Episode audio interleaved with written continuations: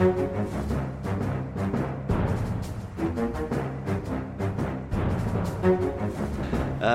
nei, men Da ønsker vi rett og slett velkommen til Aftenpodden igjen. Uh, denne uken uh, er vi på plass med landsmøtespesial. Jeg er Lars Lomnes. som vanlig Trine Eilertsen, politisk redaktør. Velkommen. God dag. Kulturredaktør Sara Sørheim. Hallo. og så har vi gjort et grep i vårt vante konsept denne uken, rett og slett. Så i anledning Høyres landsmøte så har vi besøk av Tina Bru. Velkommen. Hei. kan ikke si kjapt hvem du er? Oi, hvem jeg er? Nei, eh, jeg er da Tina Bru. Jeg er stortingsrepresentant for Høyre fra Rogaland. Sitter i energi- og miljøkomiteen. Er 30 år. Og med det Stortingets yngste kvinnelige representant faktisk denne perioden. Så det. Også for de som lurer, eh, bare fordi vi har, da, når vi har valgt gjester Vi skal ha én gjest fra hvert parti i landsmøtesesongen. Um, og så, det, er, det er faktisk ikke sånn at vi først spurte om å få Erna Solberg, og så fikk vi nei. Og så spurte vi om å få Jan Tore Sanner, ja, og, så Jan Tore fikk, og, så, og så fikk vi nei. Uh, og så spurte vi om Bent Høie, og så fikk vi nei der. Og så sa de ja, men dere kan få Tina Bru. Um, fordi vi har faktisk vi har kvalitativt valgt ut rett og slett de stortingsrepresentantene fra hvert parti som vi syns det er gøy å prate med. Ja, og Da kan vi røpe faktisk at uh, Tina, du var uh, en av de letteste å, å bli enige om. Uh, da, var vi, da, var vi, faktisk utrolig samstemte i vår lille redaksjon. fordi vi, vi, ville ha en som er villig til å diskutere politikk litt åpent, og som har vist evne til å stå litt sånn uredd i spørsmål også internt i sitt eget parti. Og det er jo mye morsommere enn folk som gulper opp partiprogrammet uh, hver gang man får dem inn i et studio. Og, ja, og så sa Trine at du, var så, du syns uh, Tina var så flink på Sandefjordskonferansen. Ja, det syns jeg. Det er en virkelig sånn, uh, må jeg si, en litt sånn gubbete olje- og gasskonferanse. Uh, og hele energikomiteen er jo der, og hele oljebransjen er der. Og da holdt uh, Tina innlegg, og ikke minst uh, taleformaten, som var helt fabelaktig. Og feide alle av banen. Så da tenkte jeg at hun har guts. okay, er det lov, er det, var det sånn type ikke lov å sitere fra evenement, som du pleier å gå på, Trine? Sånn hemmelig møte? Jeg, jeg, går, jeg går, kun på møter i, som er sitatforbud. okay, kan dere gi oss liksom en liten forsmak? Jeg har hørt om den talen her, Tina, for det har du fortalt om før. Men da, da, jeg må innrømme at da du fortalte om den Takk for maten-talen, mm. så trodde ikke jeg at det var det Trine Eilertsen hadde bitt seg merke i. Hvordan var det, det her sammen? Det òg. Nei, altså denne talen på Sandefjordkonferansen, eller den Takk for maten um, ja, Jeg tenkte jo jeg må jo Altså én, forsamlingen her er jo mye eldre menn i dress. Ja, For dette er en oljekonferanse? Det er en oljekonferanse. Det er liksom alle toppene i oljebransjen samles i Sandefjord eh, en gang i året. Party on? Ja, og så spår man oljeprisen for neste år, og så spiser man veldig mye god mat. Og så hører man på masse innlegg om at eh, bransjen har en lys fremtid. Det er det det går i.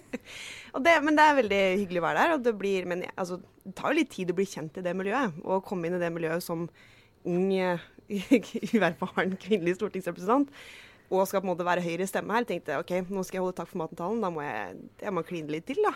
For å vise at, uh, ja, at jeg er en som er verdt å lytte til. Så jeg prøvde å bruke humor, og det var ganske skummelt. fordi det er jo ikke det jeg vanligvis gjør. Når du er politiker, så er du jo seriøs hele tiden, da. Så jeg brukte humor og prøvde meg på opp til hvor mye var det? tre ulike dialekter. Gikk ikke spesielt bra, men det bidro til humorfaktoren. var det flere enn Trine som lo, eller? Ja, det var det. Det var mange. Det var det, det, var det. Men jeg fikk et sånt bilde i hodet av uh, Hun hadde en sånn slags egentlig en svært sånn fake news-tale. Der hun så for seg hva som kunne skjedd hvis uh, de foreslo å bore etter olje i Oslofjorden. ja. Så det var egentlig en uh, runde rundt der. Mm. Det var ganske morsomt. Men uh, det var jo det var fint. Nå har vi på en måte bygd deg nok opp. Uh, ja, det tror jeg. det er et journalistisk grep å, å være veldig rosende overfor kilder og folk man intervjuer. Og så kan man bryte dem ned etterpå. Ja. Det er sånn Klassisk. den ja. fæle nyhetsbransjen driver. Mm. Um, ja, for vi skal snakke litt om, om, Høyre i dag. Naturlig nok, siden dette er uka for Høyres landsmøte. Ja, og litt av Igjen tanken med å invitere politikere var å få noen som kan se se partiene sine litt utenfor. Eh, det er jo faktisk det er lettere i andre partier enn i Arbeiderpartiet og Høyre. Mm. Uh, for der er folk um, Det virker som man oppfatter at, at, alle egentlig bare burde være innafor de partiene. Og det ser ikke at, Hva er poenget med å se det utenfra? Alle bør bare være på innsiden. det, det, det, er de to eneste partiene som tror de ikke er særinteressepartier. Ja. Ikke ja. mer sånn, nei, men Vi har jo svar til alle. Hva, hva er dette? Mens de mindre partiene de, de står jo utenfor og ser at I KrF, vi, I KrF så skjønner de at jeg er litt på sida. Men eh, inn i landsmøtet, eh, politisk verksted, masse fine, store ord.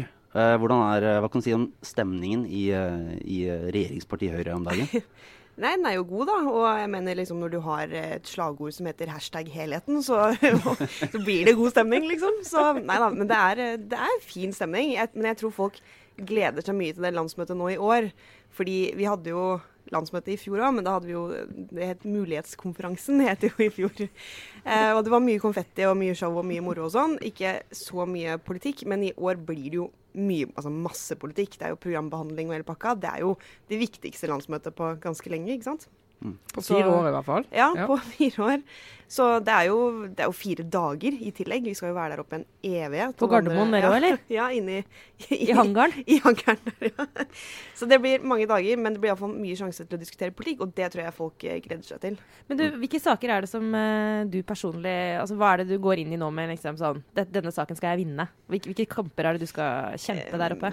Det er jo flere ting, hvis jeg skal plukke spesielt én, da. Altså det er litt viktig først å fordele. Vi har jo hatt en sånn prosess i Høyre nå eh, de siste åra hvor vi satte ned masse ulike politiske utvalg for å prøve å utvikle politikk selv om vi sitter i regjering, som kan være litt sånn krevende. Men det har vi gjort, da. Og så fikk jeg lov å lede et av utvalgene som jobbet med ny likestillingspolitikk.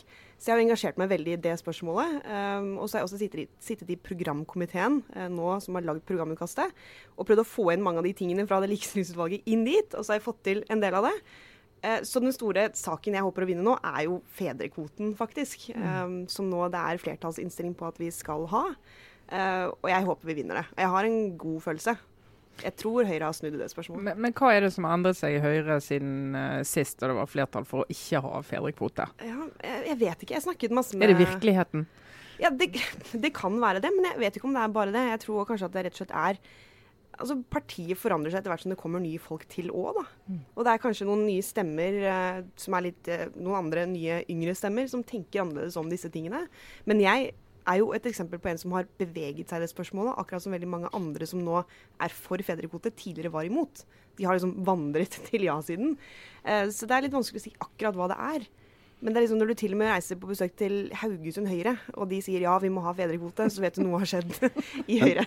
Men men Høyre er som uh, ofte kan sies å være et parti som, som, er litt sånn lange linjer og stort sett mener det samme uh, år etter år. Den uh, fedrekvotepolitikken til Høyre har jo vært fullstendig schizofren helt fra starten. For hvis nå bare jeg har lest litt bare, det er mulig jeg har, har glemt noen svinger, men nå er jo da mot innføringen i 1993. Eh, og så var man med på å utvide ordningen i, eh, en eller annen gang i Bondevik, eh, Bondevik 1. Og så gikk man mot i eh, 2013, eller 2010. Og så nå kan man da gå for igjen. Er det måtte, Hva Nei, men jeg tror, jeg tror ikke at, litt, at det handler litt også om at vi faktisk Altså vi har jo den Vi står jo på den politikken nå i regjering. altså Sammen med samarbeidspartiene våre så har vi beholdt en kvote. Um, og det er jo derfor vi sier vi vil beholde dagens ordning. Uh, det er det som står i programforslaget. Vi sier jo ikke at vi skal tilbake til 14 uker. Vi sier bare det vi har nå, som er tid til mor og tid til far. Um, så det å spille jo inn. Uh, men ja, vi, kanskje vi har et schizofrent forhold til det, da. Jeg vet ikke. Men hvor mye, hvor mye, påvirker det diskusjonen altså, i Høyre nå at dere sitter i regjering? Altså I 2013 så skulle dere i regjering. Skulle gå til valg, skulle vinne regjeringsmakt. Skulle reindyrke en god del høyrepolitikk og tenkte ikke å skule så mye til de andre. Nå sitter dere i et samarbeid. Altså, hvordan merker du at det preger diskusjonene dere har i programarbeidet? Nei, Jeg merker jo at det altså På regjeringssiden så merker man det i form av at man er opptatt av å levere et program man kan levere på. Altså at det er løfter det er mulig å innfri. Eh, at ikke det er eh, masse masse penger på masse masse nytt. Men nå at man viderefører noe av det som har vært prosjektet så langt. Det har jo preget arbeidet i programkomiteen, uten tvil. Um, og så preger jo samarbeidet oss også en del. Litt fordi at vår egen politikk også har utviklet seg gjennom samarbeidet. Altså F.eks. på klima- og miljøbiten så er det jo mange ting som står i programmet nå som, som, er ting som vi har ment i regjering, som har blitt pushet på av samarbeidspartiene også. Så der uh, utvikler vi oss. Så det er, det er begge deler. Mm. Uh, men jeg tror vi, vi har ikke hatt en sånn greie at vi skjeler for mye til hva andre partier eventuelt mener. fordi det vil sikkert være delte meninger om det om i, i, i, Høyre, men jeg mener at Høyre må vedta politikk for Høyre, først og fremst. Og så ja. Men det- ja, Nei, bare Et av spørsmålene som skal opp, er jo uh, dette med eggdonasjon. Det er vel, eh, der er det vel faktisk regnet med at Eller der har vel ledelsen i hvert fall vært oppfattet i, i partiet som at ledelsen gjerne ser at det ikke blir løfta fram som en stor sak. Og også fordi man ikke vil provosere KrF. Eh, og KrF-leder Knut Arild Hareide er ute i Aftenposten nå i dag, da, på, på torsdag, og um, snakker om hvordan Høyre lenge har vært en god venn i disse bioteknologispørsmålene. eh, og, og med en litt sånn små advarsler om at man ikke beveger seg bort. Men der oppfatter jeg litt at en del i Høyre nå er nesten litt sånn protestaktige på at uh, ja, nå vil vi Vi skal ikke se på KrF når vi bestemmer vår politikk. Vi vil eh, bestemme vår egen, og så kan vi sikkert forhandle det bort. eh, Det, det blir jo alltid på forhand. Høyre forhandler jo alltid bort sånne saker når Ja, ja, de samarbeider det er- med KrF, så men, de, det går jo eh, veien for KrF uansett. Så, så det er på, ja. ja. men altså, det er jo påfallende det, men nettopp det er, liksom, det er i disse verdispørsmålene at uh, selv om eh, Hareide virker sånn mild og snill og sier sånn Vi er jo venner. La meg bare minne om at vi er kjempegode venner. Så er jo det egentlig mørkemannen, i, sett fra et sånt litt mer progressivt ståsted, da, som står og skriker sånn På plass! Liksom, ikke finn på noe, noe sprell. Eh, og så er dette her egentlig bitte, bitte små saker. Eh, sånn som verdispørsmålene ofte er. De vekker masse engasjement. Men, men det er ikke de som forandrer retningen på Norge. Men det er jo det som er det vi kommer til å sannsynligvis være mest opptatt av i pressen også, fordi her, er, det- her er temperaturen høy. Eh, og det er vel et punkt her hvor det blir umulig for KrF eh, å samarbeide med Høyre. Og dere er jo ikke i nærheten av å ha truffet det punktet ennå. Men er ikke det litt sånn det som blir Erna Solbergs eh, jobb nok en gang, eller partiledelsen jobb nok en gang? Å passe på at debatten får lov til å blomstre, at det skal liksom bli sånn Ja, ja, vi skal snakke åpent om politikk, men her går grensa, liksom. E- Etter dette så Nå må dere stoppe. Men, men det, må, det må du si litt om, uh, Tina. Det er for Av og til i disse debattene, så vi som dekker dem, vi, le, vi legger veldig merke til når partilederen går opp i en debatt Ja. og sier hva hun eller han mener. For det er et veldig sånn sterkt signal til forsamlingen. Og så ser du på avstemningen etterpå om partilederen nå blir stemt ned, eller om det er hun eller han som snur eh, debatten. Mm. Hvordan eh, fungerer det for dere altså, når Erna går opp og Nei, det, det har jo betydning, for å si det sånn. Men, eh, men det har jo også vært tilfeller hvor eh, Erna Solberg har gått på talerstolen på Høyres landsmøte og tapt den saken etterpå. Mm. Altså, det har jo skjedd, det. Um, så det kan slå begge veier, men selvfølgelig betyr det noe hvis, hvis partilederen uh, sier hva hun mener i en sak. Det er akkurat som jeg og hele veien driver og utfordrer Jonas Gahr Støre på hva han mener. fordi at uh, du må gi et signal til ditt landsmøte hva du mener. Så sånn, det betyr jo selvfølgelig noe. Men, men du, hva, dette blir bare sånn magefølelse, for du kan jo ikke være inni hodet på Erna Solberg. Selv om mange pressefolk det kommer vi kanskje inn på senere i sendinga, liker å gå inn i hodet på politikere og forklare hva de egentlig tenker og mener. Men, uh, men bare nå ut fra mer sånn gjetning. når hun, La oss si at Erna går inn i et av de verdispørsmålene og bare står på talerstolen og sier sånn Vet du hva, her, sånn skal vi gjøre det. Eh, eh, kan du merke når, forskjell på når hun faktisk mener det, sånn helt ordentlig mener det, og når hun eh, sier det hun må si som partileder og som regjeringsleder og, og som en sånn samarbeidets eh, mor? Merker du forskjell på det? Oi, vanskelig spørsmål. Jeg tror faktisk at hvis Erna Solberg tar ordet i sånn type spørsmål, så er det fordi hun mener det. Ja. Jeg er ikke så sikker på at hun ville gjort det hvis hun ikke mente det. Fordi det, det er også en sånn ting med Høyre. ikke sant? I Høyre har vi veldig vi har veldig spenn i en del av disse verdispørsmålene. Vi er et veldig sånn delt parti på mange av disse tingene. Men derfor har vi også en veldig respekt for at det er veldig ulike meninger på sånne typer spørsmål internt i partiet. Så det er liksom ikke du, du kan ikke behandle de spørsmålene på samme måte som det du ville gjort eh, jeg vet ikke, gratis barnehage eller et eller annet sånt. Altså, dette er samvittighetsspørsmål. Og da er det også noe med å både legge breisida til for å få viljen din hvis ikke du mener det. Eh, så det tror jeg ikke hun ville gjort. Men det er synsing, da. Jeg er ikke Erna Solberg, så Det kan sies at eh, Erna Solberg på akkurat dette med eggdonasjon eh, ledet jo da programkomiteen for prinsipprogrammet, som ble vedtatt for fire år siden, var det vel. Og da innførte de faktisk de nedfelte et nei til eggdonasjon i prinsipprogrammet, som er litt rart, fordi det er en ganske konkret ting å ha som prinsipp. Eh, men jeg, jeg tror eh, det er vanskelig å tenke seg at hun har ombestemt seg sånn veldig, men det, det ganske sentrale folk har sagt i Høyre, uh, som jeg har snakket med denne uka, er jo at hvis Erna Solberg går inn i den saken på landsmøtet, så vil nok hun kunne styre den. Så vil det gå som hun vil. Men det er et spørsmål om hun vil bruke kapital på å snu et landsmøte i akkurat den saken. Uh, for det er jo også det er en kostnad hvis hun faktisk må overtale eh, parti eller gå, gå inn for noe som ikke er kjempepopulært. Da. Men du, kan, nå må jeg bare spørre deg om en ting. Altså, jeg er jo den her som eh, altså, Jeg har ikke vært på landsmøtet siden jeg var medlem av uh, politiske ungdomsbevegelser sjøl. Uh, dere politikere, og, og, dere som jobber mye mer direkte enn meg med politisk journalistikk, går inn i en sånn helt merkelig sånn altså, jeg, kaller, jeg, vet ikke helt hva det er som skjer med dere når dere går inn i sånn landsmøtemodus om våren, så blir dere helt sånn altså Det er nesten så dere lager sånne tegn til hverandre, sånne stemmetegn, eller hva heter det? Sånn type Nei, nei, saksopplysning! Og Sånn, altså det er mye sånn stammespråk på sånne type møter som for oss andre er litt rare. Men, men samtidig så er det veldig veldig veldig spennende faktisk å høre liksom, om hva som skjer på bakrommene. og Det er jo, det er jo maktmøter. altså Det er jo politikk lages og skapes og uh, fås gjennom der. Arbeiderpartiet, der vet jeg at det er utrolig mye sånne Det er mange harde slag på bakrommet. og Det er veldig mye som avgjøres som type Noen blir bare smelt oppi en vegg eh, inn, inn i et hjørne og så får beskjed om at du, kom igjen, liksom. Sånn gjør vi det her. Så knus deg som en lus hvis ikke du gjør som jeg sier. Men så, Tina, på, i Høyre så er følelsen sånn vi har respekt for hverandre, det er samvittighetsspørsmål, vi er liberale. La alle blomster blomstre. Det er, jo, det er jo ikke bare... Venstre heller, da. Nei, fordi altså, at det, liksom, kom med det, folkens. Når er det? Ja. er jo Men Tina er jo, led, leder jo redaksjonskomiteen. Er det? Hvor harde slag snakker vi liksom på bakrommet? Det er du som har i oppdrag å, å dytte folk opp etter veggen og knekke dem som lus uh, i helgen, er det ikke det? Nei, altså for det første så uh, heldigvis så leder jeg ikke redaksjonskomiteen, jeg leder resolusjonskomiteen. resolusjonskomiteen. Å oh, gud, nå, unnskyld meg, hva er forskjellen på det? Saksopplysning. det, det, det, Forskjellen er da at redaksjonskomiteen er de som jobber med programmet. Altså Dette er jo et programlandsmøte. Det er jo kommet inn jeg vet ikke, 1500 eh, endringsforslag til programmet. Så å sitte i den komiteen der som skal innstille på alle de og finne og, ja, ja, da, får det er boksehansker. Ja.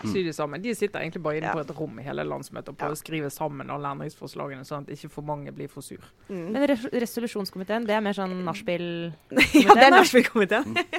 Nei, vi skal da prøve å finne Også lage politikk, for så vidt, på da dagsaktuelle tema som kan Hvor mange resolusjoner er det forslagene kommet inn? Nei, vi, vi, legger frem innstillingen i dag, så ja. vi er ikke helt uh, der ennå. Men da det ballpark sånn Å ja, det som kom inn av folk? Nei, det kom vel inn uh, rundt sånn 30 stykker, tror jeg. Og så prøver dere å få det ned til ja, Det blir i hvert fall ikke 30, for å si det sånn, Nei. men det er jo altså, rundt 3-4 kanskje, da, som det man rekker ja. å gjøre. fordi at man skal jo ha man må ha tid til programmet. Det er viktig. Og resolusjonen er en sånn pressemelding som kommer underveis og sier Høyre mener om et eller annet som skjedde i går. Takk! Det var det lille ja. der. Eh, for nå følte jeg at Lars så på meg med sånn Herregud, noe viser, liksom. Jeg vet ikke hva resolusjon er. Men jeg tenkte sånn Jeg så på meg som så jeg bare Nei, hvorfor Jeg sa feil. Jeg tenkte Men, men forhåpentligvis blir det ikke så mye bråk for meg, da. fordi det er liksom ikke det viktigste nå. Det er han som leder redaksjonskomiteen som eh, kommer til å bli presset opp mot veggen og få beskjed om å fikse det navnet. Det er Frank Jensen som gjør det. Frank Jensen. Ja. Av og til så er det jo Det er vel sånn at det er saker som oppfattes som det er litt for brennbart at hele landsmøtet skal ta stilling til å få det inn i programmet. Men vi kan jo godt lage en resolusjon. Måte, Nei, det sånn funker ikke. Uh, I noen partier så er det sånn, ja, men da tar vi det vi dette, Eller det typiske Fremskrittspartiet, så er det sånn at uh, det kommer inn litt uh, sendeforslag. Og så Nei, det kan vi nok ikke ta stilling til. Det kommer litt sent inn, eller det er litt for dagsaktuelt. Og så, men vi kan lage en veldig streng resolusjon som uh, gir en uttalelse og sier hva vi mener. Det er jo ikke så forpliktende, da. Nei. Nei, men ok, men uh, Så det foregår, uh, det foregår jo liksom sånn systematisk og profesjonell politisk jobbing og sånt noe, åpenbart. Uh, men da mitt neste spørsmål, hvis dere orker et spørsmål til fra meg Er det et faktaspørsmål? Nei, dette er det viktigste spørsmålet. fordi Av en eller annen grunn, dere gleder dere jo litt mer enn en sånn til, Altså, dere gleder dere mer til landsmøtene enn dere gjør til å gå på jobben. Så det er åpenbart noe annet som skjer der også, enn helt sånn vanlig sånn politisk og journalistisk jobbing. Eh, det er, går jo rykter liksom, om, om landsmøtefestene, så, eh, og det må vi jo bruke litt tid på, vi som er uh, Aftenpodden. Vår jobb er jo liksom å grave, er det ikke det, i uh, bl.a. landsmøtefestene. Ja. Så eh, hvor gøy pleier Høyre-landsmøtet å være? Eh, Lars, hvor, liksom, hvor gira er du på festinga? Er, blir det gøy, eller blir det tidlig hjem og, på hotellet og forberede deg til en spennende dag med resolusjoner? Som, uh, som, eh, journalist så har man jo alltid et, Det er jo et ansvarlig forhold til ja, okay, festivitasen. Men, til festivitasen, ja, takk. men nei, Høyre landsmøte er et sånn det er, ganske, det er et, sånn, hyggelig landsmøte å være på. Mange, det, er ganske sånn decent, i hvert fall før ja. nachspielet begynner. For det, det. finnes jo landsmøter, må jo være lov å nevne at uh, det finnes jo landsmøter der man ikke venter til nachspielet med å ja, ta en del oppgjør med både journalister og hverandre, og gjerne i åpent lende. Gjerne på dansegulvet, for den saks skyld. Ja. Og det har jo vært, uh, Jeg har jo selv fått uh, noen blitt leksa opp av partiledelsen i i ulike partier. Men i Høyre så har de stort sett Der har de, det er litt sånn Tenningsnivået er litt lavere, da. Nei, den, Eh. som, den som til enhver tid er sintest i Høyre, er jo han som har det som jobb, nemlig Sigbjørn Aanes. Ja. Uh, statssekretær på SMK som, Ja. uh, som gjerne kan, kan ta en runde da om dagen og så kjefte litt på journalister han mener har vært, vært dumme eller gjort et eller annet. Han Men det er blir så glad når dere nå forteller det, for jeg tror han tar som et stort kompliment. Ja, det Ja, det rare med, med. Sig Sigbjørn Aanes er at han virker så glad i å kjefte. Så at det, når han blir jævlig forbanna, unnskyld, eh, veldig forbanna, så er det akkurat som at han, han virker så glad samtidig. Han kan synes det er så deilig å være og klikke, liksom. Jeg tror det er sant. Jeg tror det er sånn. Så føler jeg at hans, de gjør han en forgjengere, tjeneste. hans forgjengere på SMK har jo eh, Det er jo en god tradisjon for dette på SMK, det må vi jo si. Altså, det er jo kruttønner som har den jobben. Det, det, altså, pressekontakten på SMK skal jo klikke på deg ja, Det er, jo rett, det er jo rett og slett en metode. Uh, tror jeg ikke det er noe vits å Nei, det, det er du skal, men du skal jo skremme folk. Men det er jo, men det er jo, det er jo forskjellig kultur på de, på de landsmøtene. Høyre er jo veldig sånn det er jo veldig sånn skikkelig og ordentlig, og folk er pene i tøyet. og er Veldig sånn eh, Ikke noe, ikke noe rart. Og så, men de aller gøyeste landsmøtene, som festfaglig, det er jo Senterpartiet. Ja. Det er jo ikke et hotellrom der som ikke har noe fenalår og heimebrygg, og, og det er jo ingen som legger seg. Og alle kan danse. Ja. Altså, det er virkelig sånn. Og i år så kommer det til å vare Kommer til hele å vare helt til juni. Ja, der er jeg så fornøyd. Men jeg vil bare en uh, ehm, Jeg vet ikke, det var egentlig mer en, en sånn saklig ting. For det, det, du har jo da kom, altså vært i dette likestillingsutvalget og har lagt fram en del ting. Men er, altså, kommer noe av det gjennom? Er det, jeg viser det, det, blir jo lansert og måtte komme forslagene så med litt sånn brask og bram og nye tider i Høyre. Men uh, blir ikke egentlig alt uh, sabla ned til slutt? Nei, jeg tror ikke det. Altså, jeg tror, uh, som jeg sa i stad, jeg tror fedrekvoten tror jeg blir stående. Det kommer jo fra det utvalget. Det er Ja. ett eksempel på det. Eh, og så har, har vi jo en svær debatt nå på dette barnetrygd eh, versus gratis barnehage og SFO og målretta ytelser for eh, de som har minst. Det blir en reell debatt. Jeg trodde det var en sånn ting som bare Altså, det var, det var ikke sjans at Høyre kom til å ende opp med å vedta noe som sa noe annet, at vi skulle bare ha barnetrygden som den er. Men den debatten har fått ny dynamikk eh, den siste tiden, og jeg tror dette blir kjempespennende. Altså, Programkomiteen er jo delt i to på spørsmålet. Det er jo 50-50 egentlig, hva vi mener. Hva, hva tenker du i salen? da? Hvordan, eh, har du oversikt over hvor det ligger i salen? Nei, jeg har, ikke, jeg har ikke fullstendig oversikt på det, og det er veldig sånn skummelt å spå disse tingene. Men det er derfor jeg sier at jeg tror at noe har forandret seg den siste tiden. Og jeg tror det er nå flere som er på vandring over til den siden hvor man ønsker å da erstatte den med gratis barnehage. Og jeg tror den uh, NOU-en som kom nå også God timing på Ja, ekstremt god timing for de av oss som da er opptatt av at det skal være sånn. Altså NOU-en, en, et, et eh, utvalgsrapport eh, Ja. fra Som- et regjeringsnedsatt utvalg. som ble levert til Solveig Horne på Ja. mandag. Og som sa at uh, gratis barnehage bør innføres, eh, barnetrygden bør behovsprøves, Mm. og Kontantstøtten ble nedlegges. Altså, det, er det, det er jo Det er så deilig når sånne NOU-er bare kommer sånn Du, vet du hva, vi har vært, hatt en samling rundt sånn type common sense her nå, vi. Og bare legger fram noe som eh, vi, vi bare gjør det sånn. Sånn, Yes, takk skal dere ha. Dere trengte kanskje ikke ta en hel utredning for å komme frem til sånn Ja, behovsprøve barnetrygden. God idé! I stedet for å slenge hva er det for noen 900 kroner til meg en gang i måneden som jeg overhodet ikke har bruk for, f.eks. Noen ganger skulle jeg ønske bare at politikk gikk litt fortere. eh, og Men der, og det tror jeg du kommer til å få høre på Høyres landsmøte, at akkurat de der grensene for når du kvalifiserer og ikke kvalifiserer til den barnetrygden, Mm. det kommer jo til å bli en kjerne i den debatten. Fordi at Hvis du akkurat har en inntekt som begynner å nærme seg den grensen, og du ser at hvis jeg kommer over det, så mister jeg barnetrygden, så kan du i hvert fall teoretisk tenke deg at mennesker sier nei, da, da lar jeg være å jobbe, f.eks. dette er jo Eh, et det er jo- ja, det er jo en sak, det er en Men- sak der eh, det kan se ut som om partiledelsen kanskje er klare for å eh, trå litt til. da. Men Det er jo verdt å legge merke til at parlamentarisk leder Trond Helleland er jo satt opp til å eh, måtte gå mot eh, Ja, men bare, bare for å si at det, eh, Her er det mindre sånn eh, eh, konspirasjon enn det du kanskje tror. fordi det, her er det bare sånn hvem har tid, og man har bytta den lista mange ganger. Så det er ikke noe sånn kjempeplan rundt det der. Men eh, du må gjerne tenke sånn hvis du vil, men jeg tolker det ikke sånn. Men altså, det er, kan, jeg, jeg kan skyte inn da hva som skjedde med meg i går. Er det, kan jeg bruke to minutter på det? Apropos Ja, ja, ja. Trond Helleland. Men bare sånn tilfelle noen av lytterne her skal ha kommet i skade for å lese min kommentar i gårsdagens papiravis om Mediemangfoldsutvalget. Apropos sånne NOU-er, eh, som brukte 18 måneder på å legge fram et eh, forslag som eh, bare rett og slett konkluderte med at eh, alle skal få det samme pluss litt til.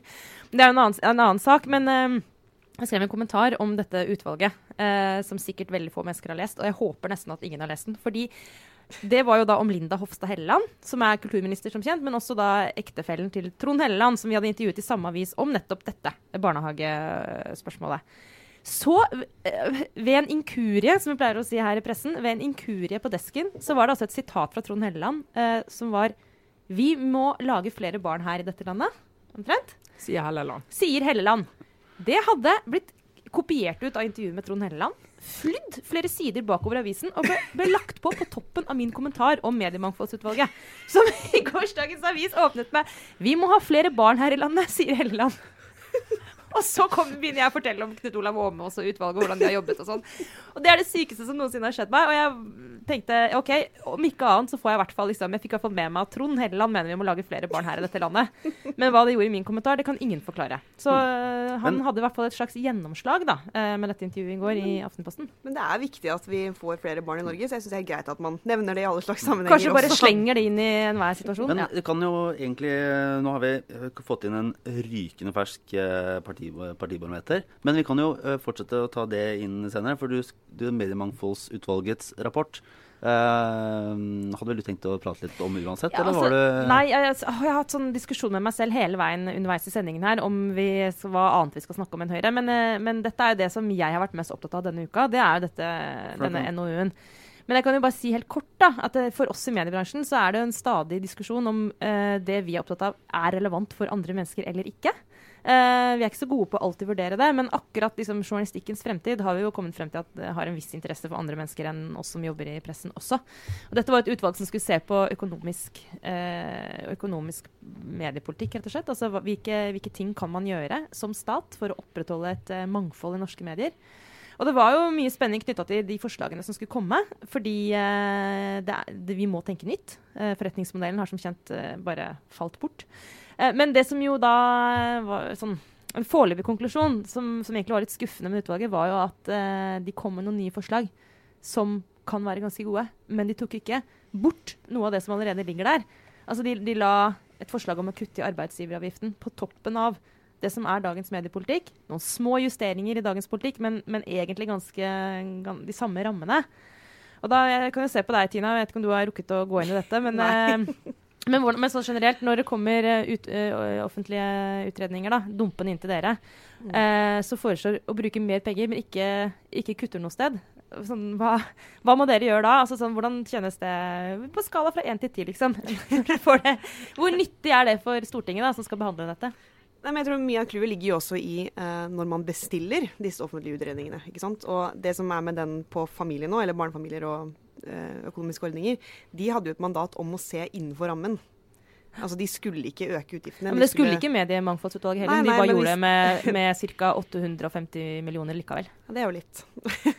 ja, nei, det blir jo da en politisk debatt, ikke sant. Men eh, jeg tror eh, Dette er jo litt mer sånn generelt, men fremover nå så vil debattene bli mer preget av hvor skal du bruke mindre penger på alle områder, uansett hva det er. Det er vi nødt til. Og så vil du få skillelinjer i politikken som blir tydeligere. Fordi at du vil ha noen partier som ikke er interessert i å ha den debatten, og som uansett bare vil mene at det er greit å ha mer penger på alt. Så her, dette blir veldig spennende på alle felt fremover, og jeg tror ikke mediepolitikken slipper unna. Men Men det er interessant, for det er, liksom en type, det er egentlig sånn ny altså Vi trenger jo noen som kan komme og erstatte høyre-venstre-aksen for oss snart, som jo blir mer og mer uvesentlig. Som vi fortsatt griper til i mangel av noe annet da, når vi skal skille mellom partiene. Men, men du skisserer jo her en mulig sånn ny hva skal jeg kalle det for noe, akse eller en sånn delelinje eh, i, i norsk politikk. da. Eh, er det egentlig et skille mellom populistiske partier eh, på en eller annen måte og liksom, eh, ansvarlige partier? Eller, altså, hvem havner på hvilken side av liksom, pengebrukstreken? Ja, det, Men det kan bli en sånn helt vanlig venstre-høyre-skillelinje også. Eh, hvor da venstresiden vil svare at eh, her må vi øke skattene, og så vil vi svare nei, det er ikke alltid svaret. Og så vil uansett ikke det å øke skattene med jeg vet ikke, 15 milliarder holde, stort sett, for det er bitte litt i det store havet. Eh, men jeg merket jo når jeg diskuterte nettopp barnetrygd da, med Audun Lysbakken på Politisk kvarter denne uka her, eh, hvor jeg sa at vet du hva, også innenfor familieområdet så tror jeg vi er nødt til å prioritere pengebruken. Altså Vi bruker nesten 80 milliarder i året på barnefamiliene. Vi må kunne bruke de pengene smartere. Og, så sier han nei, altså dette er ikke et område vi skal prioritere på. Må vi, dette må vi bruke mer penger på, for det er såpass viktig. Det er jo en skillelinje. Så spørsmålet er jo hvilke områder skal man prioritere som da skal være skjermet da, fra kutt eller å måtte Ja, og i et valgår Mm. så er dette her Altså, det er jo ikke populært å spare penger, eh, rett og slett. Altså, det, det, det er jo en reell, det er en reell utfordring. Men, bare- Men det blir gøyere ja. politikk av det. Ja. Men uh, i hvilken grad uh, Dette var jo da et utvalg satt ned av uh, Tore Lidvei, tidligere kulturministeren. Uh, Knut Olav Åmås, som både har vært kulturredaktør i Aftenposten, men også statssekretær for Høyre i Kulturdepartementet. Var det noe sånn Var det noe politisk vri på, på det utvalget kommer med? Fatter du? Nei, i hvert fall ikke noe som du kan anklage for å komme fra, fra en tidligere Høyre-statssekretær. fordi det viktigste, viktigste forslaget de kom med, er jo å kutte i arbeidsgiveravgiften. Jo, for så vidt. Det går jo for så vidt hånd i hånd. Det, det er jo vanskeligere å svelge for, eh, for Arbeiderpartiet. Men ellers så var jo det grunnleggende her var jo en, en idé om at du skal ha en solid eh, Og nå mener jeg altså du skal bruke mye penger, mye statlige penger på eh, mediepolitikk. Man kunne jo sett for seg en mer en sånn type altså en mer sånn klassisk høyre innfallsvinkel, som er at hvis markedet svikter, så, så må vi bare ta høyde for hva, Da er det ikke lenger et marked for denne typen journalistikk. Da må noen dø. eh, vi kan ikke kunstig opprettholde så mange aviser for da, som det norsk mediepolitikk gjør i dag. Eh, så sånn sett så, så mm, Egentlig det utvalget og rapporten først og fremst var preget av, var egentlig konsensus. Og det tror jeg skyldes egentlig altså Det har ikke så veldig mye med hvor lederen kommer fra politisk, men at alle de store mediene var representert i utvalget. NRK var der, TV 2 var der, eh, Mediebedriftenes Landsforening var der. Så det virker som om de diskusjonene egentlig har handlet om at alle har kommet med sin syke mor, og så har de blitt enige om et sånt litt minste felles Som et, problem. eh, som et eh, borgerlig samarbeidsprosjekt så var det, var, er det vanskelig å begrense pengebruken. Og samarbeid må jo vi snakke om. Ja, fordi nå har Ja. du sittet og du har fått med deg det kan, er, det, det din obligatoriske refleksjon? her, Ja, se litt det, det kan vi godt si. eh, Min obligatoriske refleksjon. Nå fikk vi inn en måling. Vi er dagens måling. Både vi og NRK og TV 2 har måling i dag på starten av Høyres landsmøte. Eh, og tendensen er jo den samme. Hos oss så er Høyre Alle målingene er høyere. Lurer på NRK skal går Høyre litt eh, ned. I de to andre er Høyre stabil, sånn 0,4. Ligger på 24,8 i vår måling. Eh, Arbeiderpartiet går ned, ned på vår måling. Eh, Men den, de to viktigste tendensene her, hvis vi skal tenke samarbeid og regjeringsalternativ, det er at Senterpartiet går opp på alle målinger. På vår er de nå på 10,7, gått opp på 1,6. Eh, Venstre er under sperregrensen på alle målinger. Faller hos oss som hos de andre. Eh, Fremskrittspartiet har eh, falt hos oss med to. Men det, jeg har ikke sjekket rett og slett på, på signifikansen. eh, bare sett de tallene som kom. Men det er i hvert fall trenden. Og hvis du skal tenke sånn borgerlig samarbeid, eh, Tina, hvor bekymret er dere for Venstre? Nei, Det er veldig viktig at Venstre kommer seg over sperregrensa. Det er Hvis ikke blir det jo ingenting. Nei, det blir i hvert fall ekstremt krevende. Da må vi gjøre det veldig mye bedre, eller noe sånt. Men, øh, men jeg vet ikke. Altså det, det som er hyggelig for meg, som jo er i Høyre, er jo at Høyre ligger såpass stabilt og ligger såpass godt an etter tre og et halvt år i regjering og rett før et stortingsvalg. Det er veldig, veldig bra. Og så er jeg også veldig glad for at Ap har en svak utvikling og faller jevnt, og har gjort det lenge. Men alle de går jo til Senterpartiet, så det er jo Eller mange av de gjør jo det. Så det, det er ingen tvil om at eh, vi, vi trenger Venstre over Sverigegrensa. Eh, Men, men hvordan diskutere For det, Jeg snakket med en venstrepolitiker, eller flere venstre som sier det, og liker å, å si det, at det er viktigere for borgerlig side at Venstre vinner et prosentpoeng etter en eller annen konflikt eller en eller annen dragkamp mellom samarbeidspartiet, enn at Frp gjør det. Mm. Eh, fordi at eh, om de har eh, 12, 13 eller 11, det er ikke så veldig viktig. Men om vi har 3 eller 4, det er utrolig viktig. Mm. Eh, altså, Hvordan påvirker det diskusjonene hos dere? Snakker dere om eh, Venstres ve og vel? Ja, men jeg tror ikke altså, Det er ikke sånn at man tenker nå må, må, nå må liksom høyrefolk hjelpe Venstre over sperregrensa, liksom. Det, det har man prøvd før, og det er ikke alltid det er så Det var jo mange høyrefolk som prøvde å hjelpe ja, Venstre. ja. Men jeg, jeg tror valg. ikke det er løsningen. Jeg tror faktisk at alle partier må også ta ansvar for egen utvikling. Og hvis, altså, Treff det poenget ditt da, ikke sant, med at eh, nå er det jo også sånn at Venstre har vunnet mange seire i dette samarbeidsprosjektet. Det er det jo ingen tvil om. De Men det hjelper jo ikke. Nei, men det er også noe med altså Nå skal jeg være forsiktig med å analysere Venstre, da, men det er jo også noe med hvordan Venstre eh, profilerer de tingene. Altså, De må jo da eh, fremme de seilene, og så må de snakke om det. Og hvis det ikke funker, så må de jo, de må jo tenke over det. da. Men det er liksom noe Venstre må ta stilling til. Men det er ingen grunn til at Venstre skal føle på at de ikke har fått gjennomslag, i hvert fall. Og det sier jo også Trine Skei Grande når hun snakker om det, at de har fått til masse her. Så de må jo fremheve det, da. Ja, de har jo de sakene som jeg har fulgt, så altså på, Men det er typisk litt sånn si litt mykere felt på kultur f.eks., så har jo Venstre hatt masse, masse, Klima masse har jo voldsomt gjennomslag. Klima har gjennomslag. Mm. Så, så det, jeg tror du er inne på noe der, det der med å feire sine seire.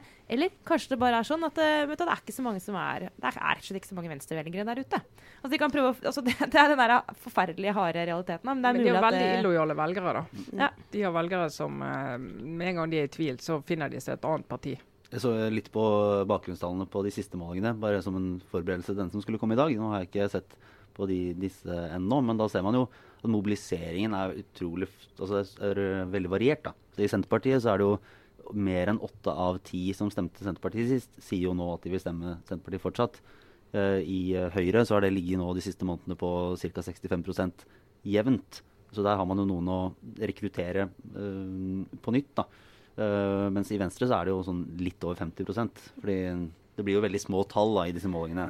Men, men likevel, der er det jo det er mange som vurderer å finne seg et nytt parti. Det tror jeg, jeg tror også det er litt vanskelig fordi at det, er, det har blitt ganske trangt på den miljøscenen, for å si det sånn. Altså det er ganske mange partier nå som har det som, som sin fremste sak, og som de vil ha eierskap til. Uh, og så er det heller ikke den saken som er mest diskutert akkurat nå. Og det også preger jo på en måte ja, utviklingen, da. Eh, så, så det er ingen tvil om at Venstre har fått til kjempemye, og jeg, jeg er veldig glad for at de har fått til mye. For at jeg, kan, jeg bruker det for alt det er verdt når jeg er ute og snakker om klima og miljø. Så viser jeg til alt det gode vi har fått til. Jeg er jo enig i mye av den politikken også, så det passer meg helt ypperlig. Men det er ingen tvil om at det er trangt om plassen på å være Miljøpartiet. da. Men uh, skal vi se, vi, får, uh, vi, vi må rekke å komme oss til dette landsmøtet hvert år. Så vi vil fortsette med litt uh, obligatorisk refleksjon inn i helgen. Eh, Tina, har du, en, eh, har du gjort deg noen tanker? Som, eh, hva, hva kommer du til å grunne på når du ikke sitter eh, i, eh, i landsmøtesalen og skriver ut resolusjoner? Um, nei, I går var det jo 8. mars, så var jo kvinnedagen. Og jeg er jo leder i Høyres kvinneforum i tillegg, så jeg snakker jo en del om disse sakene. og var på frokostmøte i går og deltok i debatter og sånne ting. Og en ting som jeg har tenkt mye på som irriterer meg litt, er at det, det er så mange eksempler på så mye rett og slett, nå skal jeg bruke et ord som kanskje ikke egner seg i Aftenposten, men eh, ræva holdninger rundt omkring. Det er helt innafor. Det er innafor. Det er innenfor. Ja, ja. Jo, men det er så mye ræva holdninger mot kvinner. Altså, se disse sakene med disse russelåtene som bare er helt sånn over styr. Som jeg bare ikke skjønner hvordan du kommer på engang å lage en sånn tekst. Eh, du har en sak med hun derre fiskeren som ble latterliggjort når hun skulle forsikre båten sin fordi at hun var ung jente. Du har mannegruppa Ottar på Facebook som altså tar du et, eh, et lite blikk på det, så kan du jo bli vettskremt. Altså, det er så mye, mye sånt, da. Og jeg mener at holdninger er egentlig roten til veldig mange av de utfordringene vi også har med likestilling i Norge i dag. Så ja, vi har kommet langt, mye er bra, men det er fortsatt strukturelle forskjeller som påvirker alt. Og mye av det handler også om bare holdninger som, som gror. Og nå er det en sånn oppblomstring, føler jeg, da, av ræva holdninger. Og så irriterer det meg sånn at man liksom er så dårlig på Ja, man snakker mye om det, men man er så dårlig på å anerkjenne det som en grunn til at vi har problemer med likestilling. Og spesielt føler jeg når jeg debatterer dette mot venstresida, så er det alltid sånn derre hvis ikke du liksom har noen hundre tusen kroner å bruke på et eh, likestillingsprosjekt i en eller annen kommune, eller sånt, så, så er du ikke opptatt av likestilling. Og Det irriterer meg så grenseløst, for det er ikke det det står og faller på. Og det står heller ikke og faller på 14 eller 10 ukers pappaperm eller kontantstøtte eller. Eller ikke. Altså, det er ikke det som er den store greia. Men vi anerkjenner på en måte ikke holdningers betydning. Og så blir jeg latterliggjort fordi at jeg snakker om det. da, fordi at det er liksom å fraskrive seg ansvar. fordi hvor er pengene, hvor er tiltakene, hvor er lovreguleringen? Ja, men det funker ikke alltid. Innimellom kan vi stå oss på oss og innrømme det, mener jeg. Så det, Men hva, men hva kan man gjøre da for å, for å bare endre holdninger? Det er jo Nei, du kan ikke bare endre holdninger. Du ja, men må, For å begynne å endre holdninger, hva, hva du må er det for å komme og- Ja, ikke sant. Igjen, du Ja, gjør det. Du må snakke det i hjel, da, tror jeg. Eh, og hver gang noen blir hengt ut for at de gjør teite ting, sånn som de folka som trener den russelåta, det funker. Og hver gang man, man latterliggjør ting som man leser Det var en, Jeg snakket med en jente i går som, eh, på en debatt jeg var på om dette, som sa at hun hadde lest en artikkel hvor det sto at, at kvinner burde bruke Dette var en forskningsartikkel som hevdet at kvinner burde bruke rød leppestift, helst med litt shine. Fordi det eh, ga deg mer autoritet, og gjorde at folk oppfattet deg som på en, måte, en som hadde peiling på hva man snakket om, og som var flink og kunne være leder. Altså alvorlig talt. Dette var forskning? Det var forskning. Ja. Uh, og det er mulig det er sånn, men det, sånne ting må latterliggjøres, da. Ja, Da har de jo kartlagt holdninger. Men det er jo interessant, da. fordi hvis du ser de siste 15 årene, uh, da har jo likestillingen har jo, altså Du skal tenke sånn strukturelt og med ordninger og foreldrepermisjon, fedrekvoter. og så liksom alt har jo gått i riktig retning, men parallelt så har du hatt en strøm der f.eks. denne her eh, pornoestetikken er blitt mer og mer mainstream. Uh, og denne her objektifiseringen av kvinner. Og de driver jo objektifiserer, altså Oppegående damer driver jo objektifiserer seg sjøl på Instagram og, uh, og, Facebook hele tiden. De kan på en måte ikke gå ut av døren uten å sette opp trutmunn og ta bilde av det. Uh, og liksom litt sånn altså Ja, de har ikke lyst til å være et sånn den type pornoikon, om du vil. Men hvis du tolker det inn i den rammen og ser hvor dette kommer fra, så har de tatt med seg en estetikk som har helt klare assosiasjoner inn i det. Så du får en veldig sånn det er litt sånn to utviklingstrekk mm. som krasjer i hverandre. da. Ja, og den, altså Selfie-kulturen er så kanskje det største tilbakeslaget for uh, feministiske verdier uh, som vi ser i vår tid. Altså helt alvorlig.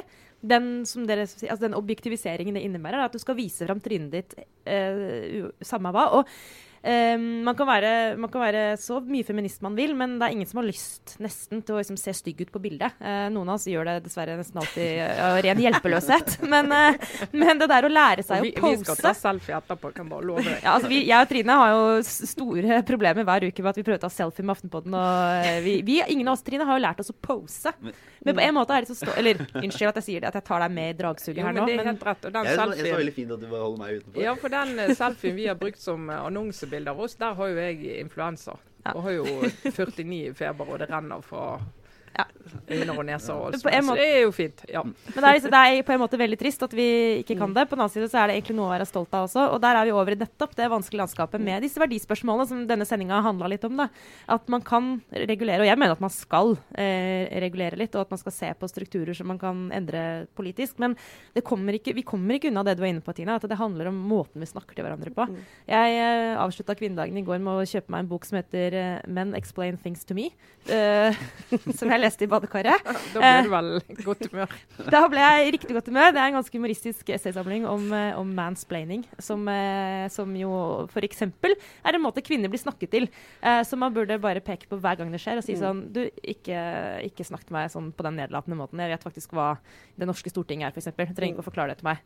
ikke forklar meg hva en resolusjonskomité er. Men hvis jeg spør, så er det lov å svare. Ja, og, og, hvis du sier det, så kan du banne på det en som tenker Gud, har hun mensen, eller? Ja, ja. Og så utrolig agg og sur. Men jeg tror paradokset er litt òg det at eh, fordi de som kom før oss, si, har lykkes i denne kampen, så sitter da eh, jenter som på min alder og yngre og eh, tror at problemet er løst. Skjønner du? Så på en måte, Man har lykkes, da, men det har også ført til at man i dag tar på en måte for gitt at dette ikke er et problem, eller at uh, disse holdningene ikke betyr noe. På, vi står i en tid nå hvor jeg mener altså helt tydelig at liberale verdier er under press, og de er under press over hele verden. Og i den vestlige verden. Se på det som skjer i USA. Altså Der har man en, en president som i, i, valgkampen det kom frem, han som står og sier 'grab them by the pussy' og hele pakka. Og det er liksom helt greit hvite kvinner, andre kvinner, stemmer på han uansett. Fordi at OK, han sa det var litt sleivete, men so what, liksom. Jeg, will be men, ja, jeg har mine rettigheter, de er ikke truet. Men så ser man jo at de blir jo det. Og det er alltid kvinners rettigheter som ryker først. Men, det, men, jeg har jo en uh, hypotese, da, så kan du uh, avvise den hvis du vil. For dette vet du mer om enn meg. Men er faktisk inni Høyre ofte der kvinner går gjennom den mest sånn tydelige reisen, for å bruke et utrolig slitt uttrykk. For det, når du, på landsmøtene så er veldig mange unge Høyre-jenter de er mot kvotering, de er mot fedrekvoter. Altså de er utrolig idealistiske og tror på en måte at vi trenger ingen virkemidler for å pushe likestilling videre. Så møter jeg samme jentene ti år etterpå på landsmøtet, og da har de snudd veldig mange av det. Mm. Og husker jeg Erna Solberg sa det, og eh, sto og kommenterte en av de debattene, og da sa hun ja ja, gi de noen år, mm. sa hun bare. Mm. og det tenkte jeg ja, det Og det er faktisk særlig i Høyre mm. at den utviklingen uh, Men jeg er et kjempeeksempel. Er du med meg på ja, det? Jeg er den personen. Du er den personen. ja, ja. Jeg var i Unge Høyre kjempe imot kvotering. Jeg er fortsatt imot kvotering. Jeg mener det ikke funker egentlig, da, men jeg var sånn beinhard på det.